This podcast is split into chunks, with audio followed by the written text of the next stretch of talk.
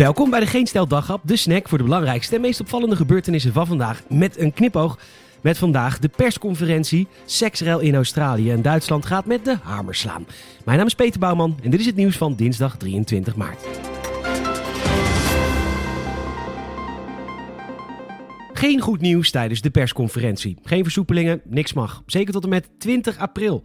Enige verandering is de avondklok. Die gaat een uur verder, naar 10 uur vanaf 31 maart, vanwege de zomertijd. Verder mag niks.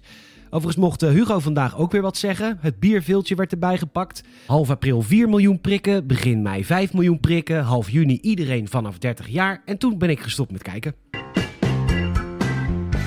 Het land is verdeeld. Sommige mensen vinden de maatregelen omtrent corona te slap, anderen te streng. In Duitsland gaan ze een stapje verder dan bij ons, denken ze. Een bijzonder experiment waarbij het land vijf dagen op slot gaat. Van 1 tot 5 april gaat alles dicht, behalve de supermarkten. En met de campagne Wir bleiben zu Hause wil de Duitse regering het virus wegslaan. Spoiler alert, gaat niet lukken, want dergelijke maatregelen hebben we hier in Nederland al maanden.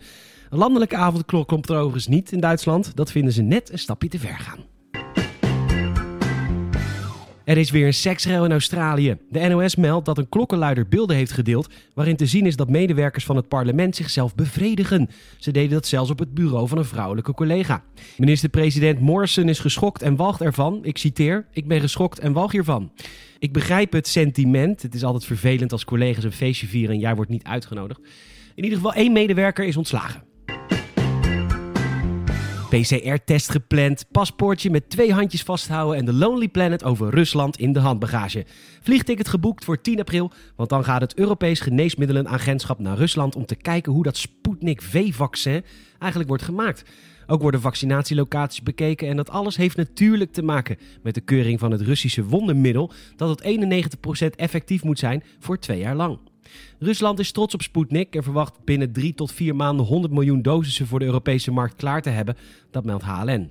Wanneer er uiteindelijk een goedkeuring komt is nog niet bekend, maar ze zijn er in ieder geval mee bezig. Het wordt mooi weer. De kans is groot dat het volgende week tussen de 15 en 20 graden wordt. Dat meldt weer online. En dat betekent heerlijk geen fluitjes bestellen op het terras. Heerlijk niet een bittergarnituur bestellen met vrienden. En bovenal heerlijk niet naar feestjes. Zin in. Het is vandaag een grote dag in Rotterdam, want Leen Huizer, beter bekend als Lee Towers, is 75 jaar oud geworden. Namens de hele redactie van Geen Stijl van harte gefeliciteerd Leen. En om de podcast met een vrolijke noot af te sluiten, hebben we een samenvatting van zijn cover-oeuvre gemaakt. De Met Lee.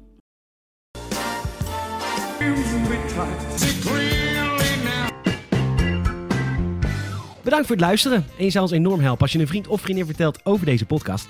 En ook een Apple Podcast review zouden we enorm waarderen. Nogmaals bedankt voor het luisteren en tot morgen.